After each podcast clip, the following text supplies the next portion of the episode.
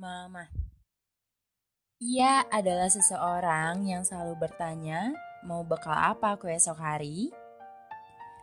Memberitahu update terkini di lingkungan sekitar rumah, memberi kabar mengenai adik yang berulah apa saja hari ini, selalu bertanya mengapa aku telat pulang ke rumah, selalu memberi nasi kotak hidangan selepas dia pulang dari pengajian dan selalu menemukan barang-barangku yang kerap kali hilang. Sepertinya dulu aku benar-benar sangat merepotkannya, karena selalu membantuku mengerjakan dan menulis PR-PR-ku. Bersusah payah mencari barang-barang kerajinan yang keesokan harinya akan dikumpulkan.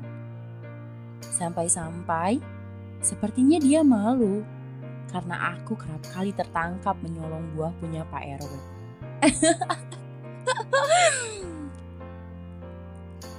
Tanpa aku sadari, aku banyak belajar darimu, Ma. Mandirimu, ketegasanmu, ketidakputusasaanmu, mukamu, perilakumu, makanan kesukaanmu, cerewetmu, marah-marahmu, dan sabarmu, hingga semua itu ada dalam dirimu. Melihat kau sekuat ini di usiamu membuatku malu ketika aku menyerah pada keadaan. Kau adalah pilar terkuat dalam hidupku yang akan selalu menopang anakmu agar bisa berhasil. Berhasil dalam segala hal. Tak akan lepas doamu selalu menyertaiku. Nah, terima kasih sudah menjadi mama terbaik untuk anak-anakmu, menjadikanku teman bertukar cerita, berbagi tawa, dan berbagi segala hal. Terima kasih karena sudah mengajarkanku bagaimana caranya bangkit. Karena jujur saja, kemarin aku sempat berputus asa. Karena kurasa dunia sangat begitu kejam padaku aku hampir saja menepi, bahkan sempat terpikir untuk mengakhiri dan mati.